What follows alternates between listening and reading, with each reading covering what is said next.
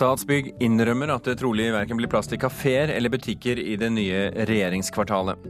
Fjerde sesong av den populære danske krimserien Broen blir den siste, sier seriens produsent. Og The Grand Tour, Jeremy Clarksons nye program etter at han ble sparket fra BBCs Top Gear, det får god mottakelse etter premieren i helgen. Dessuten skal du i Kulturnytt få møte Merete Alsen, som i dag mottar Det norske akademis pris på 100 000 kroner for å ha oversatt utenlandske bøker til norsk gjennom en god periode. Velkommen til eh, Kulturnytt. Allerede om eh, sju til ni år skal Fastlands-Norges største byggeprosjekt stå klart i hjertet av hovedstaden, om alt går etter planen. Det nye regjeringskvartalet skal huse 5700 byråkrater, men både Oslo kommune, Byantikvaren og andre fagfolk mener området også bør være et område fylt av folkeliv og aktivitet. Men det blir det trolig ikke. Statsbygg innrømmer at det nok verken blir plass til kafeer eller butikker av hensyn til sikkerheten. Vi tror ikke vi får til å etablere butikker, restauranter, i samme bygg hvor det er eh, departementslokaler. Det sier Knut Jørgensen i Statsbygg. Han er prosjektdirektør for det nye regjeringskvartalet, et byggeprosjekt som blir kalt det største i Norge noensinne, men som mange frykter skal bli en folketom og festningslignende del av byen når det står ferdig. Sikkerhetsforanstaltningene som gjennomsyrer planen, gjør at trusselen mot det gode bylivet er overhengende. Skriver Byantikvaren i Oslo i en høringsuttalelse. Sikkerhetsregimet, slik det er planlagt, kan gi uheldige konsekvenser for næringslivet og bylivet i området. Skriver Oslo bystyre. For hva skal egentlig fremtidens regjeringskvartal tilby folk, slik at de ønsker å oppholde seg der? Ikke så veldig mye, innrømmer Statsbygg nå. Nei, altså ut fra, ut fra, det at vi ser problemer med å ha kombinasjonsløsninger eh, i byggene, så vil det være begrensa eh, hvor mange eh, tilbud det vil være til publikum innenfor dette området. Det, det kommer vi ikke vekk fra. Det nye regjeringskvartalet skal være arbeidsplassen til 5700 byråkrater når det etter planen skal stå ferdig i 2023 til 2025. En av de store utfordringene Statsbygg må løse, er hvordan området skal fylles med folk også på kveldstid. Til dette svarer Statsbygg. Nei, det vil jo være eh, sykkeltraseer, hovedsykkeltraseer, eh, gangveier og, sånn som går gjennom der, som vil medføre at det forhåpentligvis nødvendigvis blir eh, mennesker der, men det er klart at eh, hovedtyngden av aktivitet vil jo være på dagtid. Er ikke det synonymt med et dødt byområde? Nei, ut fra det jeg sier med, med beliggenheten av det og, og, størrelsen eh, på de som jobber her, så tror vi jo at det ikke vil bli dødt. Byrådslederen i Oslo, Raimond Johansen, er bekymret over Statsbyggs uttalelser. Det er viktig at det nye regjeringskvartalet ikke vende ryggen til byen. At det ikke skal være et eh, sted hvor også folk oppsøker på, på kveldstid, annet enn et sted man bare spaserer gjennom. Vi skal nå leve, vi skal ha en god by å leve i. Vi skal ha en by det går an å være glad i og ha fine opplevelser i. Og det syns jeg også skal legges betydelig vekt på. Reporter her, det var Petter Sommer. Kulturkommentator Agnes Moxnes, hva tenker du om at det ser ut som dette blir et område helt uten kafeer, restauranter og butikker? Ja, Det som blir tydeligere og tydeligere nå, det er jo at eh, sikkerhet nå går foran åpenhet og et livlig folkeliv. Vi har jo visst helt fra starten av at uh, sikkerhet har en førsteprioritet i byggingen av et nytt regjeringskvartal. Men til nå så har det på sett og vis vært litt sånn kamuflert bak liksom litt flotte tegninger av et frodig og livlig uh, byområde med kafeer og gallerier osv. Og så er det jo et uttalt eh, ønske også i reguleringsplanene om at dette byområdet skal bli noe mer enn kontorplass for nesten 6000 byråkrater. Men hvorfor blir det da sånn? Jeg må jo huske at Grunnen til at det bygges et nytt, eller skal bygges et nytt regjeringskvartal, er et eh, terrorangrep. Og så var det jo sånn at sikkerhetsløsningene var med Altså de fikk et stort ansvar for at det gikk så galt som det gjorde i 2011. Og en repetisjon av det er det selvfølgelig ingen som ønsker seg. Og det betyr at sikkerhetstenkningen nå har fått stor makt. Eh, hva slags byområde blir det nye regjeringskvartalet, tror du? Det vi ser nå er at det blir et veldig kompakt område med veldig høye kontorbygg. Eh, og det er ikke bare kafeer og uteliv som, som, uteblir, men det virker det også som om det blir altså, trangere kår for de romslige parkene og de fine byrommene. Og mens man tidligere jobbet eller arbeidet med et regjeringskvartal hvor det skulle være en sikkerhetssone på mellom 20 og 40 meter fra hvert kontorbygg eh, til trafikkområder, så er det nå det området utvidet til 75 meter. Eh, og det betyr at naboer og næringsliv og byområdet også blir mer påvirket enn det man har kanskje trodd før. Og det er jo selvfølgelig en av grunnene til at Oslo kommune og Riksantikvaren nå reagerer såpass sterkt som de gjør, fordi de vet at, at sterk sikkerhet kan være med på å drepe et godt byliv. byliv. Men hva betyr det for en by, da, i dette tilfellet Oslo, at man tenker sikkerhet for et så stort område av byen? Ja, det som virkelig er det store tankekorset her, det er jo at når når du sikrer et så stort byområde, så flytter du på en måte sikkerhetsrisikoen ut der de fleste av oss beveger seg. Eh, og det er jo det vi har sett de siste årene i Europa. Det er at idrettsarenaer, konsertlokaler, kulturhus, T-banestasjoner, flyplasser osv. er blitt eh, terrormål.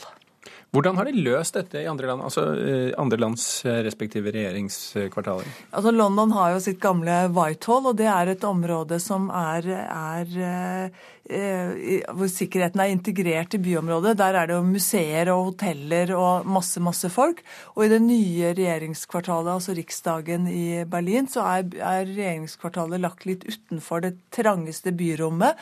Og man har åpnet opp for bl.a. restauranter i mm. toppetasjene. Så det må ikke være sånn som de ligger an til å bli i Oslo? Det er iallfall all grunn til å diskutere det. Agnes Moxnes, takk skal du ha.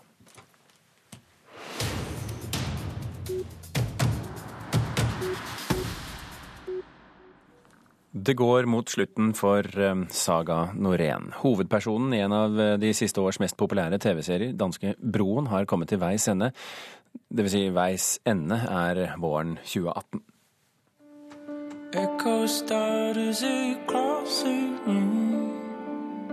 I forrige uke starta opptaket av det som skal bli den fjerde sesongen av Broen. Det blir også den siste, sier produsent Bo Erhardt til NRK. Ja, Vi runder av i sesong fire det er en avslutning. Vi har hatt veldig åpne slutninger på sesong 1, 2 og 3. Sesong 4, øh, der runder vi av. Hvorfor må det bli sånn? Fordi Sagas reise er slutt. Du har aldri villet barn. Hvorfor spør du det? Spør meg. Det er masse saker jeg ikke har. Hvorfor spør du om just barn? Tenk bare på det. Du behøver å svare hvis du ikke vil. Det var lenge uvisst om det skulle komme en fjerde sesong, fordi Sofia Helin, som spiller hovedrolla Saga Norén, syntes det etter hvert ble vel krevende å spille rolla. Men i vår ble det kjent at det skulle komme en ny sesong, og at eh, det ville starte med et halloween-drap i Danmark. Men nå viser det seg at det ikke stemmer. Det var opprinnelig planen, og det eh, viser at det stemte slett ikke overens med uh, og Henriks planer. Eh, nei, det er, vi åpner på et annet sett, så det er ikke sånn lenger.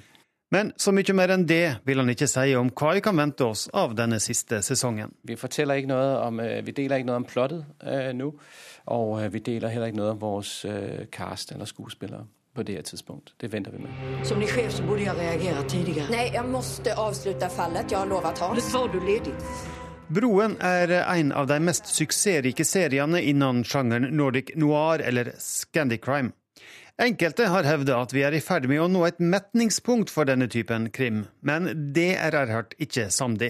Og jeg tror ikke at det er slutt. Jeg tror at uh, det er alltid plass til krim. Det er alltid plass til gode krimiserier. Uh, utfordringen er selvfølgelig hele tiden å fornye oss øh, og, og gøre, øh, lave overraskelser eller nye take eller nye vrid på øh, på en gammel sjanger. Og Det er utfordringen, og det er kunsten. Konkurransen om TV-seerne har hardna til med strømming av filmer og serier. Erhard tror det i framtida blir viktig med et felles nordisk samarbeid for å hevde seg. I, i Norden der har vi en, en øh, ekstremt mange øh, ligheter. Uh, vi har et fellesskap, og vi har mange, eller et felles verdisett, kan man si. Og i forhold til vores måte å jobbe på kreativt øh, i bransjen, øh, har vi veldig mange lighetspunkter, så, så, jeg tror det er dumt om vi ikke jobber sammen. Altså Det er en feil at, å tenke at vi skal konkurrere mot Sverige eller mot Norge. Nei, vi skal jobbe sammen øh, om å gjøre de sterkeste prosjekter til sammen. Men nå går det mot slutten for Broen, og Erhard vedgår at det er vemodig. Ja, for pokker. Ja, det blir en, øh, det blir en merkelig dag. Det blir en merkelig dag. Men også en, en, en dag hvor vi, øh, jeg synes, vi kan slå hverandre på skuldrene, fordi vi har, vi har lykkes med et prosjekt som opprinnelig var et eksperiment. Altså at gjøre en serie som skulle være primetime både i Danmark og i Sverige. Det var det der var ambisjonen og drømmen, og det har jo lykkes til fulle.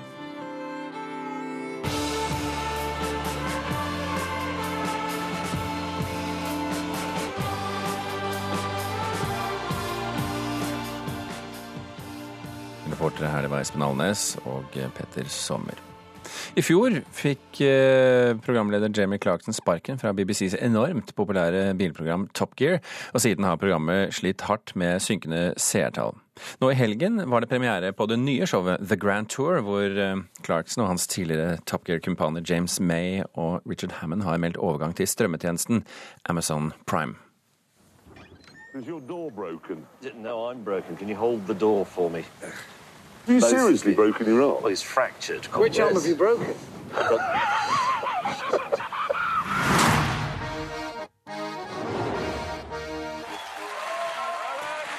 Utenrikskorrespondent Espen Aas i London, hva er reaksjonen på helgens premiere? Du, De kan man trygt si jevnt over er eh, gode. Eh, ut fra anmeldelsene i de britiske avisene så kan det nok virke som at eh, savnet etter Jeremy Clarkson, Richard Hammond og James May var enda større enn etter selve programmet Top Gear. Omtalene av Clarkson og hans farvel med BBC har holdt seg jevnt høyt her siden det skjedde. Og når anmelderne omsider fikk se programmet, så ble det brukt bred penn og, og, god plass. Og for å sitere The Telegraph, første episode av The Grand Tour blåste Top Gear ut av vannet. Dette var TV-underholdning av ypperste merke, mente mange, og skriver også at dette overgikk det meste av hva trioen gjorde da de ledet nettopp uh, Top Gear. Uh, for å sitere The Independent, dette var det aller beste fra Top Gear, bare med et større budsjett.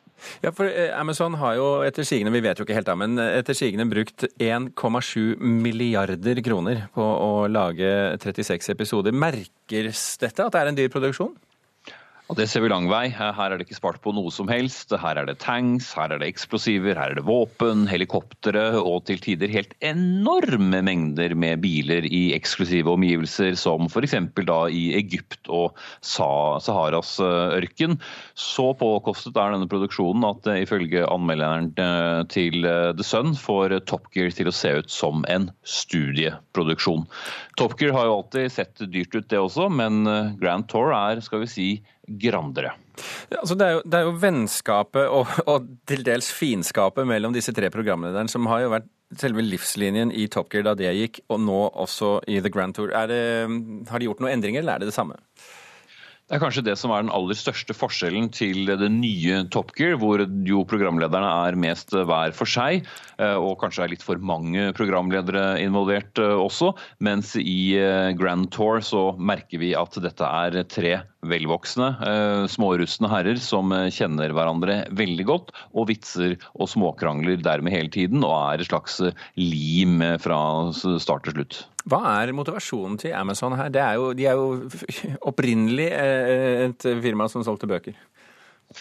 Ja, og Netflix var jo også et eh, firma som sendte videokassetter eh, i posten, men alt handler jo om å få flest mulig kunder, og Amazon ønsker jo veldig å kunne gjøre det samme som Netflix, HBO og andre strømmetjenester eh, har gjort, samle flest mulig abonnenter. Og da er det egne produksjoner som jo f.eks. ble den store suksessen til Netflix etter hvert, og dermed så har jo Amazon tenkt at Grand Tour, særlig med Jeremy Clarkson, men også med Hammond og May vil være noe som vil få folk til å begynne å abonnere på deres strømmetjeneste. Eh, og dermed får de jo selvfølgelig også dyttet enda mer på kundene enn bare TV, for Amazon eh, har det jo med å selge det meste. Kort, eh, Espen, vet, vi, vet du når vi får tilgang på det her i Norge? Ja, Vi må smøre oss med bitte litt mer uh, tålmodighet. Bare vi bikker desember, så skal hele verden få uh, tilgang til, til, The Grand Tour. Men inntil videre nå er det bare Storbritannia, USA, Tyskland, Østerrike og Japan som får det. Takk skal du ha, Espen Aas. Klokken har passert 18 minutter over åtte. Du hører på Kulturnytt, og dette er toppsakene i Nyhetsmorgen nå. Mennene som er siktet i den omfattende overgrepssaken, har diskutert inngående hvordan de skal misbruke barn. Det kommer frem i samtalelogger. Altinn, som er den viktigste offentlige nettportalen her i landet, er i ferd med å gå ut på dato. Årsaken er mangel på penger til å modernisere systemet. Og i dag sier regjeringen, etter alt å dømme, nei til Venstres budsjettforslag. Et borgerlig budsjettforlik er fortsatt i det blå. Luke Skywalker, Princess Leia, Hans Olo og Darth Vader, kjente figurer fra et av de største populærkulturelle fenomenene noensinne. Vi snakker selvfølgelig om Star Wars. Om, uke, om, tre ukers tid så er det klart for nok en kinofilm i serien, den åttende. Og billettsalget startet i dag klokka åtte. Men klokka halv sju var vår reporter allerede på beina. Ja, da går jeg mot Coliseum kino, og her er det ganske mørkt nå. Nå er klokka halv sju, og det er jo ca. Ja, halvannen time da, klokka åtte hvis billettene slippes. Skal vi se Det er noen folk her, da bak hjørnet her er det en liten gjeng, noen i sovepose. Hei, jeg kommer fra NRK radio. Hva driver dere med? Sitter her i sovepose med lue og campingstoler og sånt? Ja, jeg har kjeks i munnen akkurat. Spiser frokost. Spiser frokost. Har du vært der lenge? Ja, vært der siden rundt midnatt. Midnatt? Ok. Hva er det dere venter på? Um, billetter til den nyeste Star Wars-filmen. Rogue One. Rogue One. Ja. Hva heter du? Jørgen. Hei, Jørgen. Du, hva, slags film er det egentlig? Um, det er en film eh, lagt til Star Wars-universet. Før den episode fire, den første Star Wars-filmen som ble laget. Den som ble lagd på slutten av 70-tallet? Ja. ja. Så nå får vi vite hva som skjedde før eh, George Lucas egentlig fant på hva Star Wars skulle handle om? Ja, sånn eh, kronologisk så blir det nå da før eh, Rett før den eh, første filmen han lagde. Hvor vi forteller hvordan folk fikk tak i planene til Dødsstjernen. Til Dødsstjernen. Den ja. som skal eh, knuse eller skyte stykker andre planeter. Ja, stemmer. Er du nummer én i køen, eller? Nei, jeg er nummer fire. Nummer fire? Hvem er nummer én her, da? Er det en av dere? RBK står det her på lua di. Får jeg snakke med deg, da? Jo, hei, hei. Hva heter du? Jeg heter Iver. Hei, Iver. Nummer én i køen, hvor uh, viktig er det? Jo, det er jo eh, svært koselig, men jeg må innrømme at jeg er litt skuffet. Siden uh, jeg hadde egentlig ventet at det skulle være svært mange flere her. Hva skjedde med Star Wars-fansen? Ja, hva, hva, har egentlig skjedd? Vi kan jo spørre hun som sitter ved siden av deg her. Hva heter du? Uh, Maria. Jeg antar at det er været og at folk generelt er feige feige. Eller man svikter ikke Star Wars, da, at, man, at, det begynner å bli kjedelig. eller noe sånt. Det er ikke så lenge siden den forrige kinofilmen hadde premiere, i fjor eller noe sånt? Ja, det er i fjor. Uh, og det var bare to uker tidligere at køen var. eller noe sånt. Og jeg syns folk skal prøve februar med fem minus om natta. Da kan de prøve å synes at det er fælt å være her. Ikke men har, nå. Du, men har du sittet i kø her uh, tidligere, eller? Uh, svært mange ganger. Det her er vel tiende eller ellevte gangen. Ok, Så det er ikke bare Star Wars du ofrer uh, komforten for? Nei, nei, absolutt ikke. Det er alt jeg kan finne, holdt jeg på å si. Jeg er køentusiast, jeg. Er det det? Men da møter dere kanskje Har det blitt en sånn liten klikk her, da, som pleier å møtes utenfor eh, kinoen? Uh, ja, det er jo masse, masse folk man alltid kjenner igjen. Så man blir jo sånn lite miljø i seg selv. Jeg må snakke med noen rundt hjørnet her òg, ja. Hei, gutter. Og du, da? Hva heter du? André. Nå er det ikke så veldig mange her som står i kø i dag. Eh, hva kan det tyde på? Mm, nei, det var jo mye større hype i fjor, da. Så det var jo en langt større kø her da, har jeg hørt. Dette er faktisk første gang jeg har stått i kø på den måten. Det er egentlig litt uh, godt for vår del, for å få gode plasser. Litt bortkasta, kanskje? Nei, jeg syns ikke det. Det spiller ingen rolle hvor mange det egentlig er. Og når er premieren? 14. desember. Mm. Nettopp. Ja, lykke til da, gutter. Nok en gang Petter Sommer. Om et bilde er ekte eller en forfalskning, er tema i Nasjonalmuseet i utstillingen Gustav Corbet under lupen, som i helgen åpnet i Nasjonalgalleriet. Og Mona Palle Bjerke, kunstkritiker her i NRK. Før vi snakker om tematikken og utstillingen for øvrig, fortell oss Gustav Corbet, ikke så kjent for oss. Hvem er han? Han er en av de største realistene, altså farsskikkelse for realismen, som jo vil skildre virkeligheten usminket. Og i Norge så kjenner vi jo gjerne realismen gjennom Christian Krogh, som skildret fattigdom, fortvilelse og fremmedgjøring. Og vi ser jo ett bilde i utstillingen som er et veldig godt eksempel, og det er eh, på kanten av stupet, hvor vi stirrer inn i øynene, et hvitt oppsperrede øyne til en ung mann som river seg i håret. Mm. Eh, da har vi plassert eh, Courbet og så hva slags utstilling er det? Ja, Dette er en utstilling som er liten, men veldig fascinerende. Som går, egentlig sentrerer seg mest om ett enkelt bilde og dets ekthet. Er dette en ekte bilde? Det heter 'Fiskeren'. Og på 1940-tallet så ble det undersøkt av franske eksperter, og konklusjonen var at dette er ikke en ekte Courbet. Og nå har Nasjonalmuseet brukt masse krefter og tid, mange år, på å undersøke det som kalles proveniensen til dette bildet, altså eierskapshistorikken, og kommet frem til at dette må likevel være en ekte ekte Courbet. Og de legger da frem liksom, arkiv og materiale, og vi får liksom en opplevelse av å være i magasinet og legge frem da denne i gåseøyne beviskjeden. Det er detektivhistorie? Ja, det er det, og det er ganske spennende sånn sett, for vi kommer helt tilbake til da kunstnerens eget dødsbo. Og det er en imponerende beviskjede de legger frem her. Men hva betyr, hva er, hva betyr det, eh, hvorvidt dette bildet er ekte eller ikke? Ja, Det har jo alt å si i tilfelle en så stor kunstner som Gustav Courbet. Eh, og det er jo noe av det som jeg stusser litt over her, at ikke de har trukket inn eksterne eksperter. fordi at dette er jo da potensielt et ekstremt verdifullt eh, bilde. Og selv er jo Nasjonalmuseet ja, hva, hva, er ekstremt eh, verdifullt ja, altså, i den sammenheng? I hvert fall 50 millioner eh, leste jeg i A-magasinet på fredag. Sånn at dette er kjempeverdi som museet da selv hevder er ekte. Og man, de ville jo fått en mye større troverdighet hvis de også hadde hentet inn et uhildet blikk i denne prosessen. Og det undrer meg også at de har jobbet i et faglig vakuum og ikke hentet inn eksperter fra f.eks. Louvre eller fra et annet eh, eller fra et internasjonalt eh, fagmiljø, både for å berike prosessen med flere forskeres blikk, men også da fordi de selv har så store økonomiske interesser i dette. Men Du sier at det er, et, det er, en, det er en, liten utstilling, det er en uh, viktig og spennende utstilling. Men det slår meg at det også kanskje er en uh, spennende utstilling først og fremst for de som er litt mer kunstinteresserte? Det kan nok hende, fordi det er jo en veldig sånn inn i det arkiviske, inn i magasinet. Men jeg vil jo tro at dette er noe som fascinerer alle. Å få se dette flotte bildet 'Fiskeren', som er så korbesk med sin mesterlige uvørenhet, som viser da denne unge mannen som sitter og fisker på grunt vann, fortvilet for å skaffe mat med en bitte liten eh, fiskestang og lære eller følge dette maleriets reise. Så jeg tror dette er noe som bør eh, interessere mange. Og Hvis man er interessert i kunst, eh, skråstrek, eh, eventuelt bindestrek, detektivhistorie, Nasjonalmuseet er det stedet å være. Helt korrekt. Ja, Mona Valleverke, takk for at du kom innom.